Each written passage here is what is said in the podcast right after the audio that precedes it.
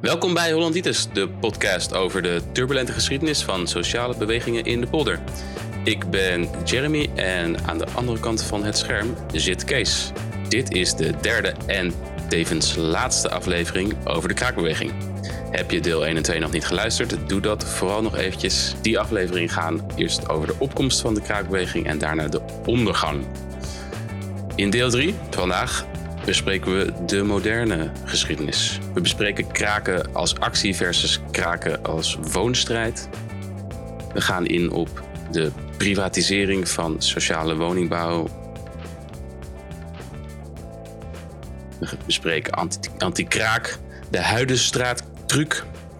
En we gaan in op moderne pogingen om woonstrijd te doen. Uh, we bespreken de strijd tegen gentrificatie, recht op stad. En natuurlijk de woonprotesten die nu aan de gang zijn. Maar nu eerst, Kees. Kraken als actie versus kraken als woonstrijd. Wat bedoelen wij daarmee? Wij bedoelen eigenlijk dat er is een, glijdende schaal natuurlijk. Het is niet um, of het een of het ander. Maar um, er wordt vaak uh, als er naar de geschiedenis van de kraak- of woonbeweging wordt verwezen, wordt er gezegd: ja, er wordt nog steeds gekraakt, dus er is niks aan de hand. Of het is precies hetzelfde. Terwijl het natuurlijk uh, hele andere tijden zijn. En hoewel er nog af en toe een pand mm, behouden zelfs kan blijven, al is het maar tijdelijk, is dat dat anders dan een periode waarin je echt, uh, laten we zeggen, het woonbeleid in een buurt mede kunt bepalen. Doordat de bewoners tot actie overgaan. Uh, al dan niet kraken of huurstaken of acties voeren om uh, een snelweg in je buurt uh, tegen te houden of dat soort dingen. En die periode is er geweest en die was verbonden aan de kraakbeweging. En toen wisten ze ehm, af te dwingen dat er door overheden bijvoorbeeld eh, sociale woningbouw gebouwd werd naar de wensen uh, over, over um, hoe de huizen eruit zagen en wat je ervoor moest betalen van de bewoners van die buurten. En dat is toch een wezenlijk ander verhaal dan af en toe een, een pandje kraken en pakken, hoe belangrijk dat ook is en hoe goed dat ook is. En als je dat onderscheid uh, vergeet, dan, dan denk je altijd dat je met uh, woonstrijd bezig bent, terwijl je dat misschien helemaal niet doet. Terwijl je, je bent wel bezig je eigen wooncrisis op te lossen. Maar uh, misschien niet op een herkende, herkenbare manier voor buurtbewoners uh, dat dat iets met hun problematiek te maken heeft. En ehm, dat had je vroeger in de kraakwerking had je dat ook. je hebt ook kraakpanden gehad die helemaal niks ehm, met de buurt te maken wilden hebben of met, laten we zeggen, bredere structuren. Maar dat was wel een minderheid toen. Of er waren, het omgekeerde gebeurde veel vaker. Dat er, en je hebt ook heel veel verhalen van dat er met. Toen had je nog uh, fenomenen als buurtopbouworganen en zo. En dat daar buurtbewoners uh, zich uh, met krakers samen mengden in het behoud van. bijvoorbeeld, vaak waren het grote oude gebouwen in de binnenstad, ziekenhuizen of scholen, gemeenschappen of dat soort objecten. Die dan door de gemeente verwaarloosd werden. En dat de buurt dan uh, met directe actie uh, in het geweer trok om die voor hun te behouden. Nou, in die periode is eigenlijk een beetje uit het uh, gezicht verdwenen. Je ziet het nu af en toe met bijvoorbeeld zo'n bos in Limburg. dat, dat mensen proberen zo'n bos te behouden, maar dat, dat je probeert buurten en gebouwen te behouden op zo'n manier is, is lang geleden. Hmm. En heeft een, is dat een, een, depolitisering van, van de kraakbeweging? Zeg maar, waar ook de PVK eh, tegen probeerde te ageren destijds? Of eh, waar, waar, komt het, fenomeen vandaan? Of die, die verschuiving vandaan, denk je? Ja, ik denk dat het heeft met van alles en nog wat te maken met het feit dat kraken gecriminaliseerd is. Dat de sociale woningbouw helemaal gesloopt is door achtereenvolgende kabinetten. Ehm, dat de Europese Unie zich ermee is gaan uh, bemoeien. Uh, dat ze tot ver in links hebben lopen te geloven dat de markt het woningprobleem op zou gaan lossen. Um, en in algemene depolitisering, het feit dat uh, huurders tegenwoordig een minderheid vormen in overal, maar ook in belangrijke, wat vroeger volksbuurten waren. Dat is natuurlijk een, een gigantische verandering, heeft dat teweeggebracht. En wie goed wil ehm, begrijpen hoe dat zich in twintig jaar tijd heeft afgespeeld, die moet het boek uh, Uitgewoond van Cody Horstenbach uh, lezen. Dat is echt geweldig goed beschreven. En onder andere de rol van zo iemand, staatssecretaris Heerma van CDA, hoe die zijn begonnen met, met het slopen van sociale huisvesting en het in het gareel drijven van de woningbouwverenigingen, die toen nog verenigingen waren. En over welke periode hebben we het dan nu? Dat is uh, jaren negentig en, en, ver in, in 2000. Uh, dat was een langzaam eh, proces. Want begin jaren negentig begon, wat je net ook al noemde, begon de EU zich... Nou, misschien moeten we, moeten we e-, nog eventjes terug voordat we over de EU praten... om het even te hebben over Thatcher en de neoliberalisering een van de kernpunten van, uh, van Margaret Thatcher. Hè, zij was premier in, in Engeland. Kwam eind jaren zeventig aan de macht. En heeft ja, verregaande verschuiving in de, in de politiek in, in het Verenigd Koninkrijk teweeggebracht. En zij wordt vaak in, in, één, in één adem genoemd met Ronald Reagan, die in dezelfde periode iets vergelijkbaars aan het doen was in de VS. het was een, een, een verschuiving naar rechts, waarbij de markt centraal moest staan. En ja, ze waren eigenlijk een hele actieve klassenstrijd aan het voeren om de macht van arbeid onderuit te halen. dus enerzijds door, door vakbonden, ja, keihard tegen vakbonden te op te treden, stakingen eh, neer te slaan, moeilijker te maken om te staken. Maar ook op een, op een hele sneaky manier andere politieke kanalen te gebruiken om het moeilijker te maken om je te organiseren.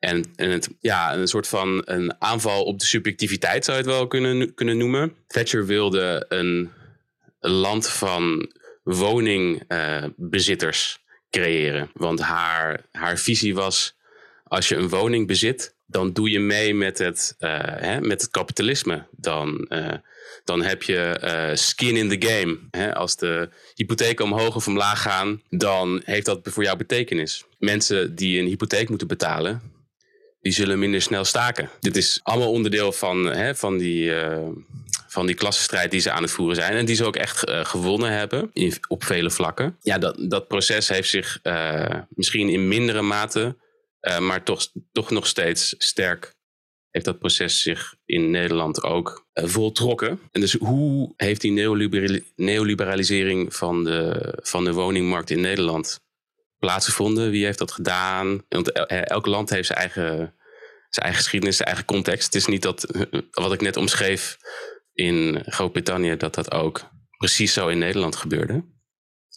Hoe gebeurde dat hier, uh, Kees? Ja, eerst nog even over Thatcher. Want die zei natuurlijk niet erbij dat het de bedoeling was dat de mensen zouden verrechten doordat ze woningeigenaren worden. Maar dat was het idee erachter wel. Het wordt, werd enorm gebracht. Het was ook de Housing Act van 1980, waarmee de, de council estates in Groot-Brittannië werden gesloopt. Die werden gepresenteerd als jou als huurder het recht geven om op het gelijke niveau te komen als huiseigenaren. Uh, en dat ging gepaard met een enorme offensief tegen huren en huurhuizen. Want dat is toch eigenlijk je geld weggooien. Terwijl als je een hypotheek betaald hebt, ben je na twintig jaar ben je eigenaar van het, van het huis. En toen werden in één klap werden 5 miljoen sociale woningen werden aangeboden aan de mensen die er woonden. Met ook nog een schema erbij uh, om aan hypotheken te kunnen komen. Maar een groot gedeelte van de huurders die konden dat helemaal niet of wilden dat niet. Um, en um, onderzoeken achteraf die hebben uitgewezen gewezen dat ze dan ook meestal daarna snel doorverkocht werden. Als je dan zo'n huis tegen goede voorwaarden kon uh, veroveren. Dan na een tijdje, als jij in de problemen komt of je wordt ontslagen en je kan de hypotheek niet meer aflossen, dan uh, verkoop je hem als oplossing. Ja, want uh, de huizen werden ook voor een prikkie verkocht. Hè, misschien wel voor de helft van de marktwaarde. Het was een hele aantrekkelijke deal. Om, voor de conservatieven was het uh, uitverkoop van al die, ja, zeg maar, die sociale verworvenheden. Als individu was die keuze om een, om een huis te kopen misschien heel logisch. Maar collectief gezien was het natuurlijk een, een groot drama. Ja, ja en, en wat je ook al zei, het werkt dus in die zin dat je als huiseigenaar wordt je gedwongen om conservatief te worden. Je, moet, je, je gaat minder snel het risico lopen dat je ontslagen wordt. Want dan kan je je hypotheek niet meer aflossen. Uh, en, en dat soort drama's, ook in gezinssituaties. Je kan niet meer scheiden, uh, weet ik veel wat. Het, het, zorgt op allerlei fronten zorgt het voor een uh, inklemming van, van mensen die ertoe leidt dat ze e-, eerder conservatief gaan steunen om aan de macht te blijven, zodat niks verandert. Thatcher won ook verkiezingen vervolgens met, met dit beleid. Dus dat was voor conservatieven en liberalen en christendemocraten in, op het Europees vasteland was dat een uh, aansprekend beleid. Was dat. Van je kon en sterke bezuinigingen doorvoeren en dan ook nog de verkiezingen winnen. Ja, het was, het was echt heel briljant. Ik vind het een van de meest briljante politieke um, zetten van de moderne geschiedenis. Omdat het zoveel, ja, wat je zegt, het maakt je populair. Het, en het verandert een soort van fundamentele basis van de politiek. Dat soort ideeën of dat soort uh, dingen, die moeten we zeg maar aan de linkerkant moeten we ook gaan bedenken en, uh, en doorvoeren. Ja. Uh, want dat kan echt een fundamentele verschuiving van de hele maatschappij teweeg brengen. Ja, dat zou dan de tegenhanger zou onteigening zijn van grote speculanten. Daar gaan we het aan het eind van het uh, programma nog over hebben. Ja, want het, uh, het maakt de school. En, uh, want als je nu gaat kijken in die wijken waar vroeger die council estates waren. Wat voor verschrikkingen. Het is natuurlijk niet de enige verandering in die, in die wijk of in die stadsdelen. Maar ook dat er geen buurthuizen meer zijn. Dat het onderwijs voor een groot deel geprivatiseerd is. Ze hebben gelukkig nog wel een gemeenschappelijke gezondheidsdienst, NHS. Maar ook die schijnt uh, in dienstverlening enorm uh, hoe heet dat, kapot bezuinigd te zijn. Maar als je echte armoede wil zien in Europa, dan moet je naar buitenwijken van Glasgow of Birmingham of, of, of, ook in Londen gaan kijken, waar vroeger de, de council estates stonden. Maar goed, dus uh, in Europa werd dat met veel uh, belangstelling gevolgd. En hier waren het vooral de christendemocraten die dachten van... nou, dat is een goed idee, dat gaan we... Want Nederland heeft natuurlijk de uitzonderlijke situatie met een aantal andere Europese landen... dat er nog een grote sociale huur sector bestaat in de huizenmarkt. Wat dan nog geen markt is natuurlijk. En dat is eigenlijk nog steeds is dat zo. Aan, vergeleken met, uh, met onze om, omringende landen. Duitsland heeft het nog veel groter. Daar, daar is het blijven bestaan eigenlijk. Maar voor een groot deel geliberaliseerd. En hebben ze de grootste moeite om de huurprijzen onder de duim te houden. Alle pogingen die ze op gemeentelijk niveau doen om dat te bereiken, die worden steeds afgeschoten door het uh, Centraal uh, Gerechtshof. Ja, en, en, Oostenrijk is een ander voorbeeld waar nog een groot segment sociale uh, huur bestaat maar dan vooral in de, in de steden. Desondanks is het in Nederland ook uh, sterk afgeroomd. En dat is via een soort salami-tactiek is dat gebeurd, waarbij gedeeltelijk de schuld werd gegeven aan de Europese Unie. Want die zijn op een gegeven moment ook weer dezelfde neoliberalen die daar aan de macht waren gekomen met uh, verhalen over dat uh, sociale huisvesting eigenlijk een, als je dat niet goed in regels verpakt, dat het alleen voor de allerarmste huizen moet aanbieden dat het dan een soort verborgen staatssubsidie is. En dat zou dan verschrikkelijk zijn. En uh, ja, dat heeft eigenlijk, eh, die twintig jaar heeft dat, dat overheerst. En uh, uiteindelijk uh, een paar woningbouwverenigingen die gedwongen werden om alleen nog maar woningzoekenden in aanmerking te laten komen die echt een heel laag inkomen hadden. Want zo'n drempel werd, werd er ingesteld. Die zijn naar het Europees gerechtshof gestapt en hebben de uitspraak gekregen dat in Nederland uh, eigenlijk uh, de drempel nog lager werd gesteld dan uh, op Europees niveau geëist werd.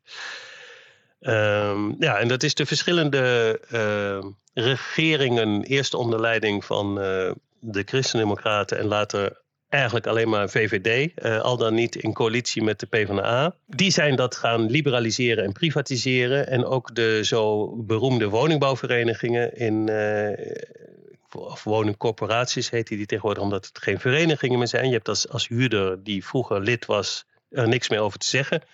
Die zei dat zijn een soort uh, bedrijven geworden, een soort um, private-public partnerships.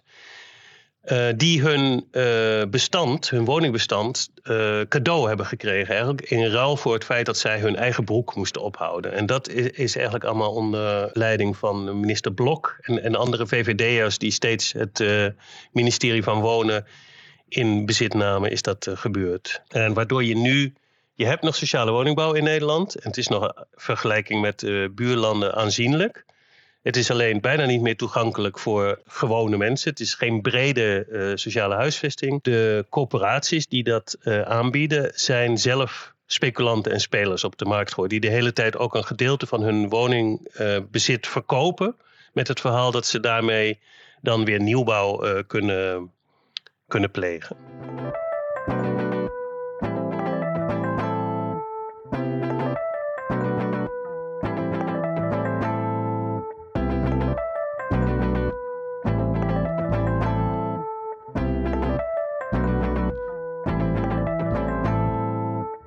Ander effect. We kunnen natuurlijk lang niet alles bespreken. Daarvoor moeten we maar dat boek van Cody Hossenbach eh, erbij pakken. Is uh, dat er heel veel flexcontracten tegenwoordig uh, gehanteerd worden. En um, bijvoorbeeld studentencontracten en jongerencontracten die maar voor een paar jaar geldig zijn. En daarna word je geacht op te zouten en zoek je maar ergens anders waar ook geen woningen zijn, een nieuwe. En dat is ook een nieuw fenomeen. Dat, dat ging daarmee gepaard eigenlijk. En wanneer kwam, kwam, kwam dat op? Uh, dan heb je het over anti-kraakbureaus en dat soort uh, dingen? Of? Nee, nee, anti-kraakbureaus, daar heb je helemaal geen, geen recht. Dat is, dat, dat is eigenlijk. we hadden het erover wat voor factoren speelden nou een, een rol in het afkalven van de kraakbeweging. En ja, behalve wat we hiervoor hebben besproken, uh, een, een, geschiedenis die pieken en dalen heeft, zijn twee factoren zijn, zijn daar heel belangrijk bij geweest. Eén is een juridische truc die de Huidenstraatstruc heet, waardoor ze allerlei panden konden ontruimen die daarvoor uh, moeilijk te ontruimen waren. Dat leggen we zo even kort uit. En de andere is de opkomst van uh, anti-kraakbureaus. En dat waren bureaus, we kennen ze misschien, Zwerfkei, dat, dat soort, die huiseigenaren aanboden om tegen vergoeding uh, daar meestal uh, koorballen in te zetten, die dan het hele pand zogenaamd bewoond hielden, zodat het niet gekraakt kon worden. En ook gewoon, ook gewoon mensen die uh, niet op een andere manier aan een woning konden komen.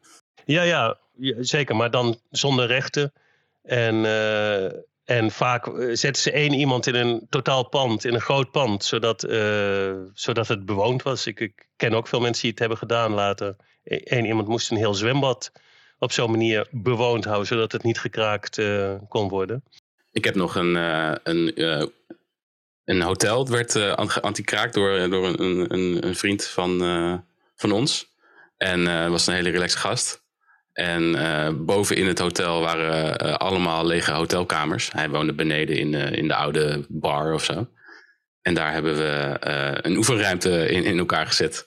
Onze versterkers neergezet en daar een paar jaar lang uh, heel, veel, uh, heel veel muziek gemaakt in een uh, objectief gezien, hoe, hoe, heet zoiets? Een fire trap. Dat was levensgevaarlijk, want we hadden het soort van geluidsdicht gemaakt met allemaal. allemaal nou, niet eens piepschuim, um, gewoon kleden en um, matrassen en dat soort shit. Ja, dus dat was echt levensgevaarlijk. ja. In, we hebben zelfs uh, de eerste, uh, een van de eerste anti, hoe heet het, uh, rookverboden doorgevoerd in een, in een oefenruimte. Voor eigen veiligheid. Voor eigen veiligheid. Zo verantwoordelijk waren we toen als, als tieners. Ja.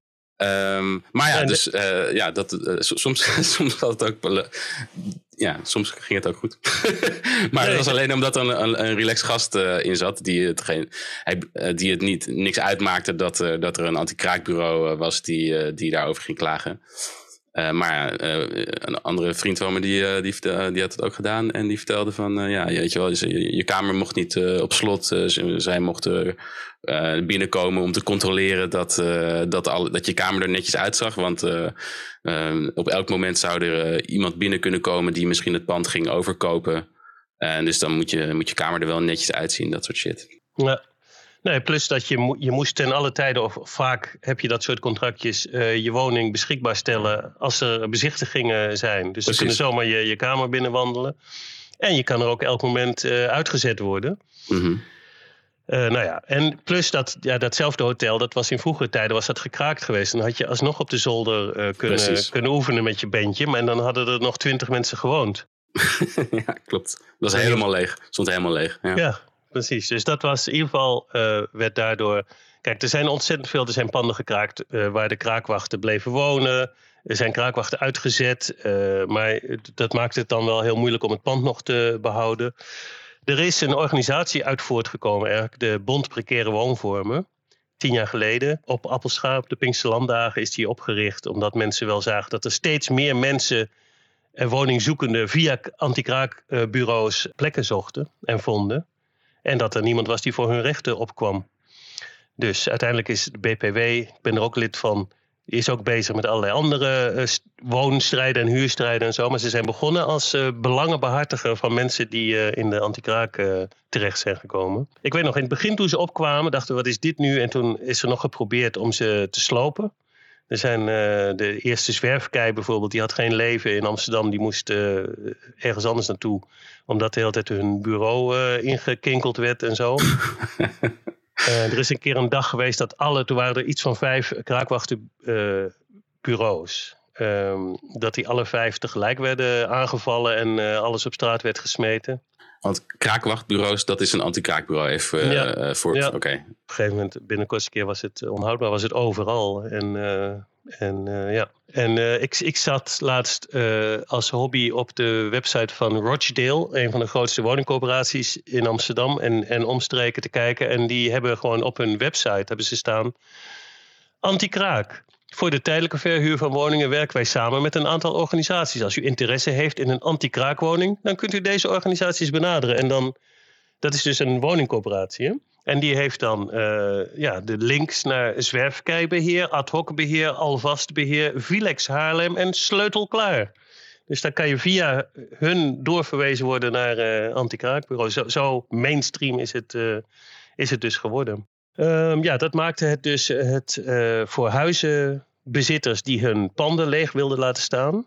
in ieder geval niet officieel verhuren en ook niet verkopen uh, maakt het makkelijker. En vroeger waren dat juist de panden die dan gekraakt werden. En dan was het voor de eigenaar moeilijk om je ontruimd te krijgen. En toen vond een slimme advocaat die vond de Huidenstraat truc uit.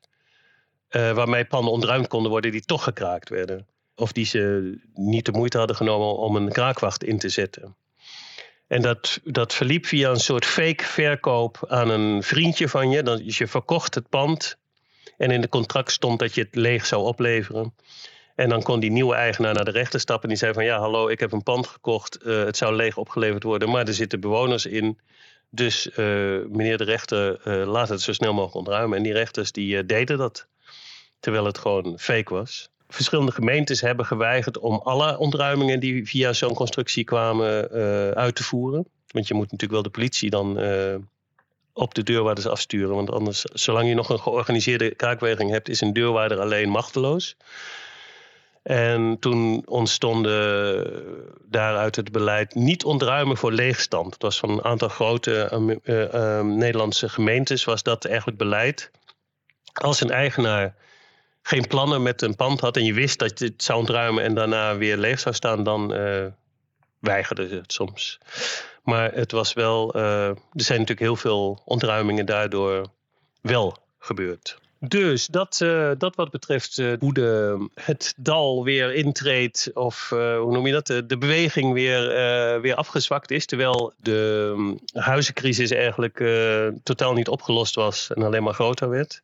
Ja, en of, ja, tegelijkertijd is er een ander proces aan de gang van gentrification, gentrificatie in het, in het prachtig Nederlands. Dus gentrificatie. Wat gebeurt er dan? Um, nou, het idee van uh, het, woord komt van uh, de gentry. Dat is de, de, hoe zou je dat in goed Nederlands zeggen, Kees? De, de lagere adel.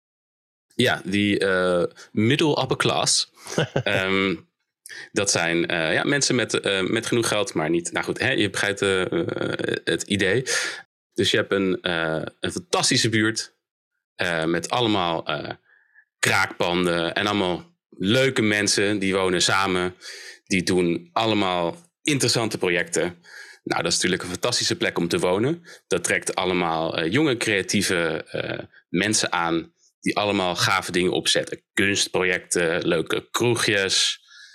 allemaal dingen die een buurt maken tot een, een, leuke plek om te wonen. Nou, dat is natuurlijk fantastisch. Dus allemaal mensen die denken, nou, ik wil wel in een fantastische buurt wonen, die trekken daar naartoe. Um, en als je geen sociale huur hebt om de, de markt uh, op afstand te houden, dan gaat, omdat er veel mensen naartoe willen trekken, gaan de prijzen van de huren omhoog in zo'n wijk. Dus uh, die wijk die juist uh, oorspronkelijk leuk was omdat de huren laag wa waren, je kon daar allemaal op een goedkope manier een eigen gemeenschap opbouwen, dan gaan langzaam de huren omhoog. En als de huren omhoog gaan, dan krijg je ook een ander soort uh, mensen die uh, je buurt inkomen, niet meer per se die creatieve jonge mensen die op een goedkope manier leuk willen wonen.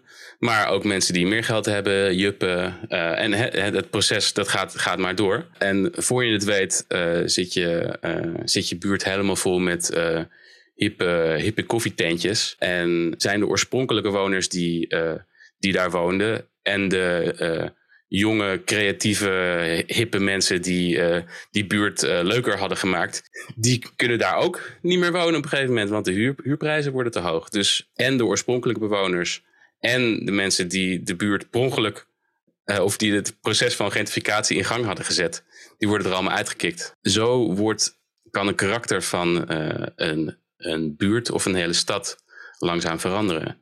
En dit proces, dat is ook iets dat actief wordt aangejaagd door bepaalde gemeentes. Dus dat even in kort uh, gentrificatie. Hoe hebben we dat gezien in uh, Nederland, uh, dat proces? Nou, zoals jij het beschrijft, speelt dat zich overal af in het begin natuurlijk in de grote steden. vooral die, die politieke belangrijke beslissingen en zo genomen worden, die zichzelf groot maken. Um, en ik, ja, er zijn heel veel veranderingen geweest in de, de neoliberale jaren, ook op het gebied van transport en vliegen en weet ik veel wat, die ook heeft gemaakt dat er veel expats gewoon veel mobieler konden zijn. Bijvoorbeeld een gedeelte van de bewoners van de, mensen die werken, de hogere stand. Uh, in de Financial District in Londen, die wonen tegenwoordig in de Randstad.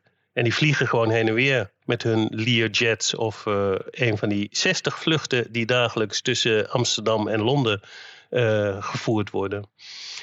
Um, dat is maar een voorbeeld van een, een factor die bijdraagt aan dat. Dat zijn natuurlijk mensen die idiote huizenprijzen kunnen betalen. Uh, en een gedeelte van de markt in, in Amsterdam, Den Haag, Rotterdam dan innemen omdat de huisprijzen in Londen nog veel hoger zijn uh, dan dat.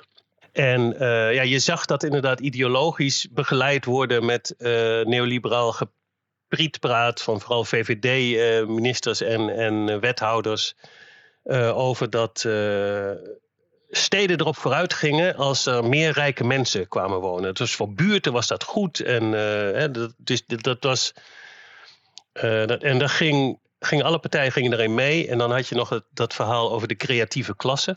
Uh, alsof die uh, zou bestaan, weet je. Dat zijn uh, ja, mensen die in de advertisement werken en IT en cultuur en dat, dat soort dingen. En die zouden steden die die klasse weten aan te trekken, die zouden het veel beter doen dan steden die die boot missen. Maar ja, die willen natuurlijk ook een bepaalde. Die kan je alleen maar aantrekken door ze een bepaalde uh, woonomgeving aan te bieden. Waarin ze ook de hele nacht tot uh, s ochtends vroeg uh, disco dansen kunnen. En ik wil natuurlijk wel mijn latte macchiato 24 uur per dag kunnen, kunnen scoren. Ja. Dat, Thank you very much. Dat soort dingen.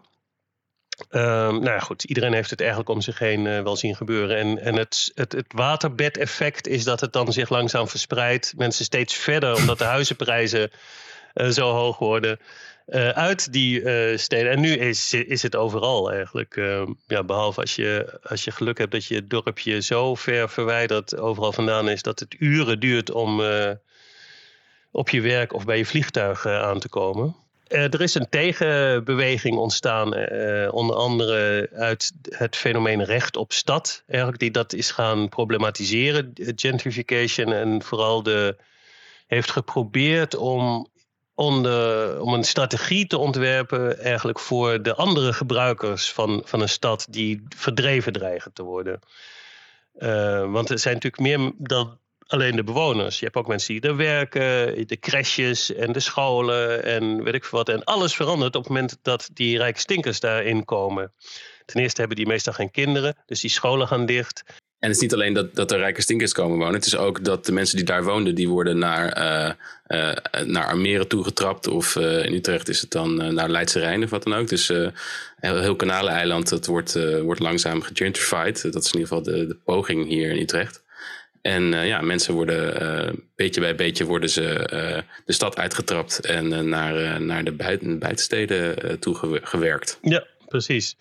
En je, je hebt veel beroemde voorbeelden gehad van hele wijken die zo op de schop gingen. Waar de sociale woningbouw verdween en uh, gewoon rijkere, uh, voor, voor rijkere mensen teruggebouwd werd. Uh, de Tweebosbuurt in Rotterdam is natuurlijk ook zo'n zo'n voorbeeld waar, waar, die bekend is geworden omdat mensen zich verzet hebben. Net zoals in die Nieuwmarkt, eigenlijk voor gentrification avant la lettre Ehm, in, in Amsterdam gebeurde. En zo heb je veel meer voorbeelden van, van verschillende manieren ook van buurtbewoners om zich te verzetten tegen dat, tegen dat proces. In Hamburg had je een, een leuke groep die geprobeerd heeft om allerlei technieken te, te ontwikkelen. Ook, en die hadden, tegenwoordig heb je niet meer, maar van die schotelantennes die, die vroeger op flatgebouwen hingen. Zodat je je Turkse zender kon krijgen. Die hadden ze dan in ehm, hadden ze pakketjes en dan kon je gewoon die bestellen. En uh, die, zodat je heel veel schotelantennes op je gebouwen kon plakken. Zodat uh, mensen dachten, oh shit, daar wil ik niet wonen. Dat, uh, dat zijn al die buitenlanders die on, onverstaanbare zenders. Help!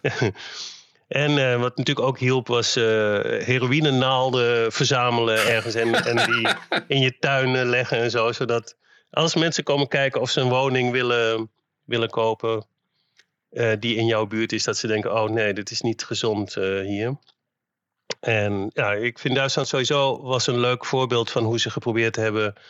Ook als de huizen verkocht werden, er waren de bezichtigingen en dan gingen mensen bijvoorbeeld massaal naakt naar die bezichtiging toe en daar uh, disco dansen, zodat de, de, de echte kopers uh, niet meer naar binnen durfden. En, en zo kan je een tijdje lang kan je dat proces natuurlijk uh, uit jouw buurt proberen te, te weren. Er zijn voorbeelden waar het veel militanter gebeurt.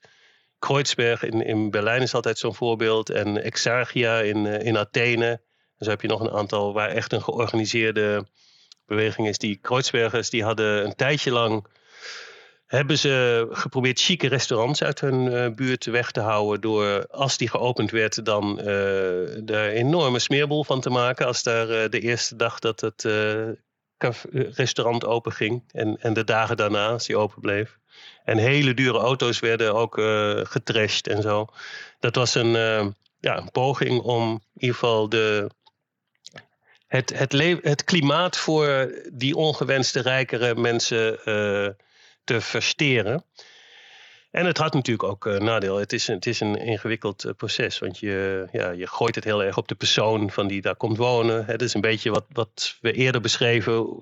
Die maffers die die uh, ontruimde huurpanden accepteerden. Omdat ze op de wachtlijst stonden. Die dan door de krakers uit de buurt het leven zuur werden gemaakt. Ja, dat zijn geen... het is niet altijd even prettige manier van, van je verzetten. Maar nou ja, soms werkt het wel. Hoort allemaal tot het, het, arsenaal van mogelijkheden om te proberen ja, je buurt leefbaar te houden en de, en de, de huurprijzen laag. Maar goed, als, je, als, het, uh, als het gaat aankomen op dat soort uh, interpersoonlijke uh, conflicten, of ja, hoe zeg je het interpersoonlijk? Ja, um, op, op dat type conflicten, dan weet je eigenlijk al dat je een soort van achterhoede strijd aan het vechten bent, denk ik. Ja, maar goed, nou ja, je, je, moet, je, moet, je moet wat natuurlijk. Maar... Precies, en in Hamburg kan je, heb je heel lang heb je nog buurten gehad waar het. En het is nog steeds merkbaar dat de. Je, nou ja, de huizencrisis is daar ook verschrikkelijk, maar hij is altijd minder hoog dan, uh, dan hier bij ons. En je hebt buurten die leefbaar zijn, waar nog allerlei sociale uh, structuren ook uh, heersen. Je hebt daar ook zo'n beweging gehad van ehm, muziekcentra, die heette die poplinken die, uh, ja, die helemaal niet zo links waren inhoudelijk gezien in hun, in hun muziek. Het was heel veel uh, het heeft, heeft ook te maken met de opkomst van de house uh, muziek en zo. Wat trouwens best een leuk woord is, natuurlijk house in dit verband. maar goed, dat, dat terzijde. Dus inhoudelijk is daar niet zo heel veel politieks aan. Maar die plekken die zij in gingen nemen, die waren ook die waren bewust in die wijken om er ook voor te zorgen dat je daar ook als militante actiegroep gebruik van kon maken. En bij demonstraties werden ook hun en worden nog steeds hun geluidsapparatuur wordt, actief ingezet. Nou, dan, daar heb je echt wat aan. Ja, in Engeland heb je natuurlijk ook de, de rave scene gehad. Die, ja, de, misschien is de muziek, de muziek hoe de muziek klinkt niet per se politiek. Maar, de, maar de hele scene die eromheen zit. En ja. dat natuurlijk absoluut wel. En in Hamburg heb je ook het St. Pauli-effect. Dat, dat je daar um, een voetbalclub hebt die altijd het kleine broertje is geweest van HSV. Uh, tegenwoordig een divisie hoger zit, omdat HSV gedegradeerd is. Wat, en geen goede koffie hebben. nee, dat ook. Maar dat is een beetje vergelijkbaar met Sparta en Feyenoord in Rotterdam. Maar rondom dat St. Pauli-stadion is ook een hele buurtbeweging. En de, de, ja, iedereen, als je in Hamburg komt, ontkom je er niet aan. De skulls van St. Pauli die zijn echt overal. Um, en het voetbalstadion wordt ook gebruikt voor. Hè, toen, toen, we de G8-protesten uh, hadden in 2017, was daar het uh, Indie Media Centrum. En uh, kon je je gewonden daar gaan verzorgen en dat soort dingen. Dus dat, dat is een levendige buurtbeweging, is dat nog steeds.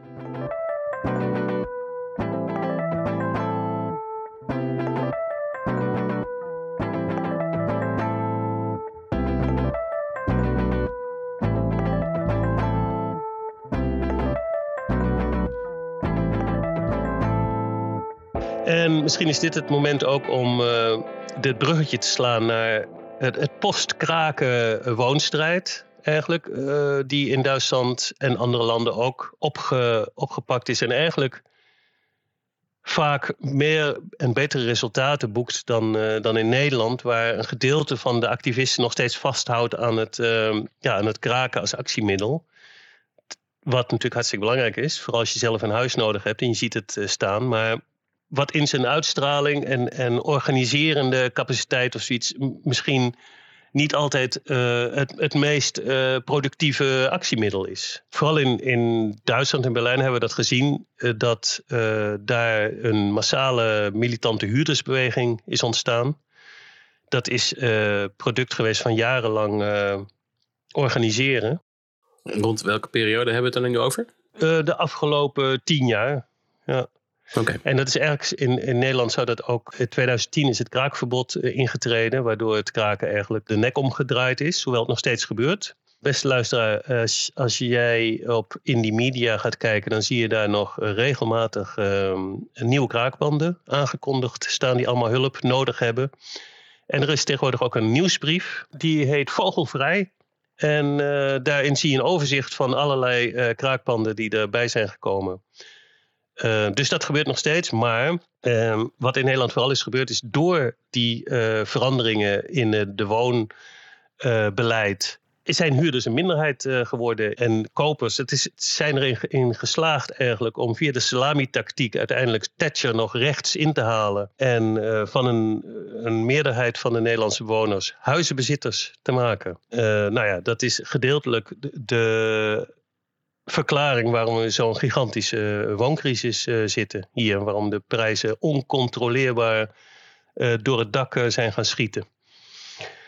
En die overgebleven huurders die zijn moeilijk te mobiliseren om voor hun rechten op te komen, blijkt. of je kan ook zeggen, misschien hebben, zijn, er, zijn er niet, is daar niet genoeg op gefocust en hebben mensen veel te veel de oude kraak tactiek zijn ze blijven gebruiken. Toen de wooncrisis helemaal onbeheersbaar werd, toen zijn er uh, demonstraties ontstaan. 2020 was dat. In eigenlijk alle, alle steden en zelfs dorpen. In, uh, er was een soort uh, grappige wedloop om de namen. Van, het begon met woonopstand en woonstrijd. En toen werd het er woonrebellie. Elke stad had eigenlijk zijn eigen woon. En dan was de, het woord wat er daarna kwam was dan lokaal voor Zaandam of Haarlem of, of Groningen. De eerste was gepland om in Rotterdam te zijn. Dat was op de jaarlijkse internationale Housing Action Day, die door de Europese Actiecoalitie altijd uitgeroepen is, onder leiding van het Berlijnse referendum, wat, of, of de woonstrijd die daar toen op aan het komen was. Die dachten toen van we kunnen dit nooit winnen als we het lokaal houden. Dit zijn internationale ontwikkelingen en die grote vastgoedjongens die, die worden ook in toenemende mate worden dat multinationals. Dus die uh, moet je over de grenzen heen aanpakken. En toen zijn ze een internationale dag in eind april uit gaan roepen en ehm, toen was er in Rotterdam één gepland. En plotseling kwamen andere mensen met het initiatief om dan ook in Amsterdam iets te gaan organiseren. Want Amsterdam moet natuurlijk. Typisch. moet om de een of andere reden altijd de eerste zijn. Nou, en die. Uh, toen was de stemming op de een of andere manier was, was uh, goed um, vruchtbaar voor dit soort uh, massale bijeenkomsten. Want er kwamen echt tienduizenden mensen kwamen demonstreren. Uh, zowel in Amsterdam als in Rotterdam en een aantal andere steden. Helaas werden die ook onthaald op een bizarre hoop politiegeweld. bij beide hebben wij vooraan gestaan, wij van Hollanditis. We zagen het gewoon ontsporen. Het was echt bewust beleid van de politie om, om te proberen in ieder geval het militante gedeelte van de, de woondemonstranten in de pan te gaan hakken. En te isoleren van de meer gematigde clubs natuurlijk. En uh, omdat de gematigde clubs, uh, zeker in Amsterdam, slecht georganiseerd waren, hebben die ook nauwelijks gereageerd in het begin. En stonden wij er gewoon, uh, ja, we was gewoon ehm, spitsroede lopen. Dat is ook een typisch voorbeeld van een mislukte kraak. ze waren de koevoet vergeten, hoorden we, hoorden we later. Ja, die heb je toch wel nodig om zo'n deur open te breken. Want het idee was om naast de demonstratie ergens een, pand te veroveren. En dan uh, de boel open te gooien. En daar te laten zien van kijk mensen, zo uh, pak je de huizencrisis aan. Kraken gaat door. Kraken gaat door. Ja, maar ik hoorde ook een positief verhaal uit, Rot uit Rotterdam. Dat, uh, dat er echt wel solidariteit was tussen de meer gematigde clubs en het zwarte blok, hè? De, de militante demonstranten. Zeker, in Rotterdam was het ook was het veel langer van tevoren georganiseerd. was ook duidelijk en waren wij van BPW zaten vooraan in de organisatie ook. En we hadden van tevoren besloten, we gaan ons niet uit elkaar laten spelen. Ja, de politie heeft ook van tevoren ellenlang geprobeerd te onderhandelen over allerlei afspraken, zodat zij zouden mogen ingrijpen. En dat uh, hebben we geweigerd om ze toestemming voor te geven. Uh, en toen hebben ze het toch gedaan. En toen hebben we daar eigenlijk, uh, ja, de hele demonstratie heeft daar halverwege voor, opgesloten gestaan. Uh, omdat de politie gewoon de boel had omsingeld. En, en wij hadden afgesproken, we gaan niet doorlopen als zij dat doen.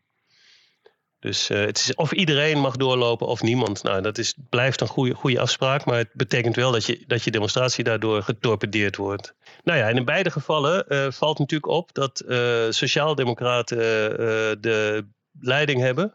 Of GroenLinks was het in Amsterdam. Van het stadsbestuur. Die dat zonder enige voorbehoud de politie op je afsturen. Dus verwacht niet van hun dat zij A, de huizencrisis op gaan lossen. En B, als jij dat wel wil doen, uh, aan jouw kant gaan staan. Dat gaat niet gebeuren. Wat er wel gebeurt natuurlijk is dat zij onder druk gezet worden. En dat er langzaam maar zeker de, die hele totale liberalisering van de huizenmarkt teruggedraaid begint te worden. Dat zie je nu. Helaas is, het, is de regering nu weer gevallen. ik vind het altijd jammer als we zonder regering zitten. En de, de minister van Wonen had eindelijk had hij wat, uh, wat leuke plannen gelanceerd op het gebied van het. Uh, ja, we hebben zelfs huurverlaging gehad uh, in de sociale huur afgelopen jaar. Dat is, nou, dat, hoe lang is dat niet voorgekomen? Ja, tijdens corona werd er even wat dingen op hold gezet. Einde van de tijdelijke contracten werd aangekondigd. Nou, de kans is groot dat het allemaal ehm, overboord gegooid gaat worden, als we niet, niet oppassen. Die paar progressieve dingetjes die uh, in, het, uh, in het nieuwe beleid voorgesteld werden onder druk van de, de grote bezorgdheid en kritiek op de, op de huizencrisis, die niet door hun wordt opgelost. Die, uh, ja. En dan hebben we natuurlijk nog het fenomeen, eh, wat ook is opgekomen van het municipalisme. Jeremy, wat is dat eigenlijk? Municipalisme. Nou, dat komt voort uit Amsterdam, Kees. Zoals, zoals alle, alle belangrijke en goede dingen. Dat, uh, is ooit coined. Hoe zeg je dat in, in het goed Nederlands? Uh, nou ja, het woord, het woord is het voor het eerst genoemd door onze grote vriend uh, Murray Bookchin. Hij kwam daarop toen hij in de jaren 60 tour ging door Europa. En toen kwam hij ook in Amsterdam. En hij, hij, hij hoorde over de kapouters en wat die allemaal aan het doen waren. En dacht, oh, dat is cool. Daar hebben we een, een isme voor nodig. Daar is het idee van municipalisme uit voortgekomen. Het idee is dat, dat je in tegenstelling tot het soort van klassieke socialistische... of eh, zowel van de anarchistische of anarcho-syndicalistische flank als de communistische flank... Hè, die focuste altijd op, op arbeid als kernpunt van de sociale strijd als uh, manier om, uh, om, je, hè, om tot het uh, communisme of socialisme of anarchisme te komen. Daar, daar had je als um, klasse de macht om je werk stop te zetten en op die manier het, de, de wielen van het kapitalisme tot stilstand te brengen. Maar Bookchin die dacht, ja, dat is allemaal leuk en aardig,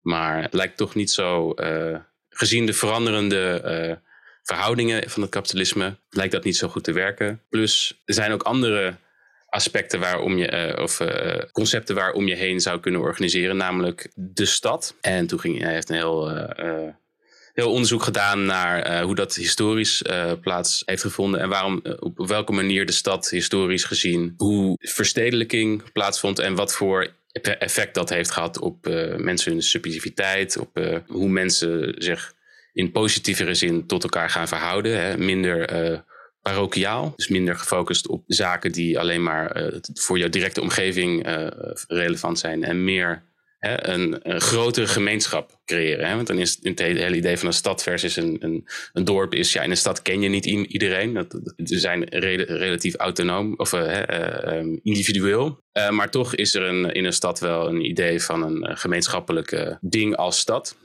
En dat is niet geassocieerd met uh, het chauvinisme van een natie. Wat natuurlijk uh, uit den boze was en is en hoort te zijn. En municipalisme was een, een manier om die, dat gemeenschapsgevoel te politiseren.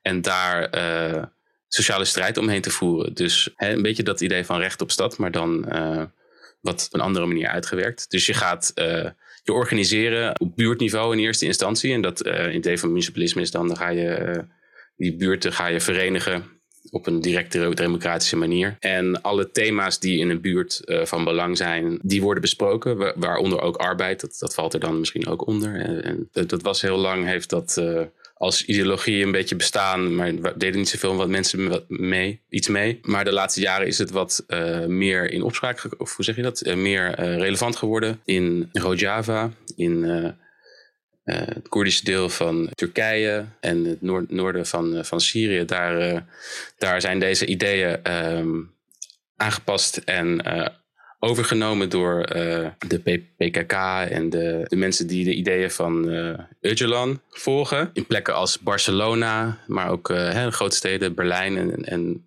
en zelfs Amsterdam in bepaalde vorm zijn die, uh, is, is dat idee van de stad als plek voor sociale strijd ook overgenomen. Ja, dat heeft voordelen en nadelen. En daar heeft, kan Kees van alles er nog wat over vertellen.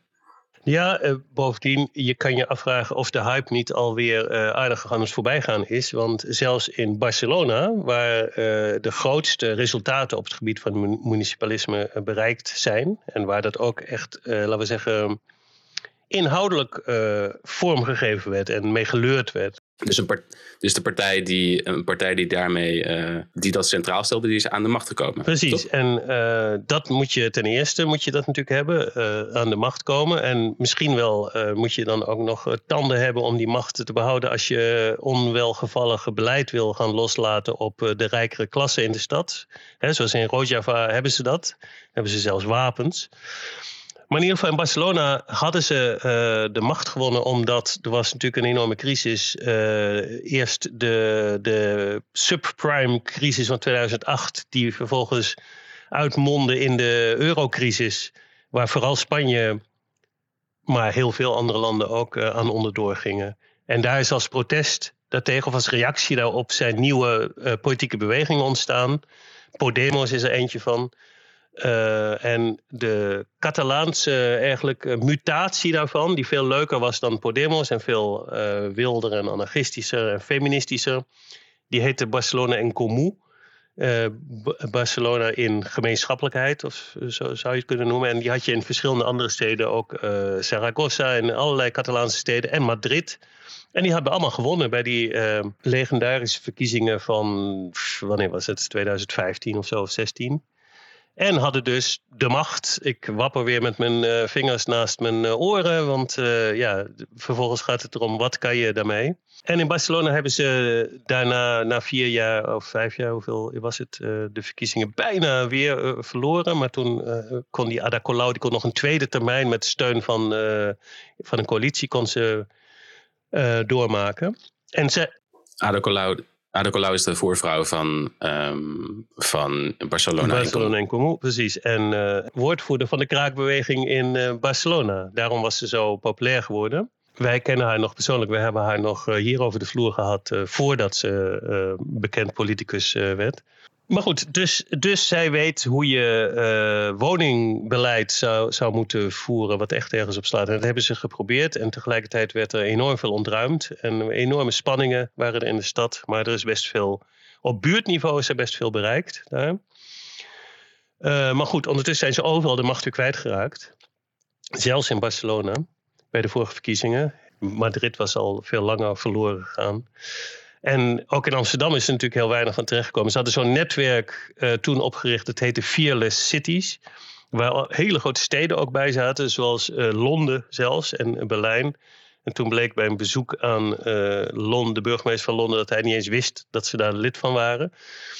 Uh, maar dat werd, dat werd een beetje gehyped. Van nou hebben we kans om als steden, Europese steden of internationaal zelfs, uh, vuist te gaan maken. En ik heb er weinig eh, van gezien. Misschien uh, komt het nog. Maar uh, ik denk dat het nog steeds belangrijk is om vooral uh, de bewoners zelf op te vertrouwen dat die in het geweer komen. Ja, het ding is ook gewoon een beetje. Um, je kan, je kan allemaal goede ideeën hebben. Maar op het moment dat er geen grassroots beweging is die dat steunt en die daar, daarvoor ageert, dan blijft het toch een beetje bij, bij allemaal ideeën. Het is heel moeilijk om zo zo een proces top-down in te voeren. Je hebt uiteindelijk allemaal mensen in buurten nodig die, die ook echt in die, uh, uh, naar vergaderingen komen, heel saai. Of bepaalde punten agenderen en daarvoor gaan staan. En dat, kan je, dat is niet iets dat je met de, de beste intenties die je ook hebt, of de, hoe, je ook, hoe graag je ook zou willen dat er massaal mensen op jouw convocatie afkomen van we gaan samen uh, de buurt beter. Maar ja, eh, uiteindelijk staat of valt het bij, bij een actieve beweging die al dit soort ideeën heeft en daarmee aan de, aan de gang gaat. Mijn gevoel zegt dat dat is waarom het uh, in, in een plek als Amsterdam niet van de grond komt. Ja, en, en gedeeltelijk ook omdat ze gewoon veel te veel hun oren laten hangen naar de, naar de vastgoedjongens. En bang zijn dat ze, dat ze niks voor elkaar krijgen als ze die niet mee hebben. En financier, financierders daarvan. Dus ze, wij, ze zijn gewoon te scheiterig om het heft in eigen handen te nemen als het gaat om woningbouw. En verschuilen zich erachter dat dat van Europa niet mag en zo. Maar goed, ze hebben veel last ook waar in het municipalisme een blinde vlek voor bestaat van landelijke of provinciale wetgeving dat zie je telkens weer. Zie je dat dat zijn de, de grenzen. Als je dat niet, als je daar geen invloed op kan hebben, dan kan je nog zo, zulke leuke plannen hebben gemeentelijk. Maar uh, ja, als die, als die uh, overkoepelende wet uh, dat verbieden of verhinderen, dan ben je echt helemaal nergens. Ja. En dat zag je in, in, Barcelona, zag je het ook. Ze hebben geprobeerd daar een huurplafond in te voeren. Dat werd afgeschoten door een hogere rechtbank en het was weer voorbij. In Berlijn hebben ze het ook gedaan. Um, en precies hetzelfde effect. En daar is ondertussen is de linkse coalitie die is alweer uh, opzij geschoven door de Sociaaldemocraten regeren nu weer met de CDU, zoals ze van tevoren wilden. En die hoeven helemaal niks aan uh, onteigening van, van grote huizenbezitters te doen. Want uiteindelijk heeft het daar wel toe geleid, die, die mobilisatie van huurders in Berlijn, om, om met een positieve noot te eindigen. Die hebben een referendum afgedwongen over het onteigenen van de hele grote uh, woningbouwondernemingen. In, in Duitsland heb je die dingen, omdat ooit de sociale woningbouw uh, gewoon opgeheven werd en verkast ging naar, naar commerciële bedrijven. Bijvoorbeeld Vonovia, uh, dat, is, dat is de allergrootste die ondertussen ook in Nederland wat uh, bezit heeft opgebouwd. Die vormden een soort monopolies die de huurprijzen konden opdrijven. En bij de referendum, bij de vorige verkiezingen, niet de allerlaatste, want ze hebben ze over moeten doen. Maar die daarvoor he heeft toen een meerderheid van de bevolking van, van Berlijn daarvoor gestemd. Voor het referendum. Voor het onteigenen van uh, grote woningbouwbedrijven. en nu is er een soort padstelling van de regerende coalitie. Die moet nu met een voorstel komen. En dan ehm, ja, iedereen weet dat dat eeuwig voor zich uitgeschoven gaat worden en uiteindelijk tot niks zal leiden. Maar het feit is er dat er is een uitspraak van de meerderheid van de bevolking. En dat bij een, er is een minimum van een kwart van de bevolking moest eraan meedoen om het rechtsgeldig te laten worden. In Duitsland heb je nog zo'n soort referendum. Maar een verschil is ook dat in Duitsland in de grondwet staat dat de overheid mag onteigenen als dat in het algemeen belang is. En dat is in Nederland uh, niet zo. Daar is de rechtsbasis voor onteigening, bestaat gewoon. Wat het heel interessant maakt als middel.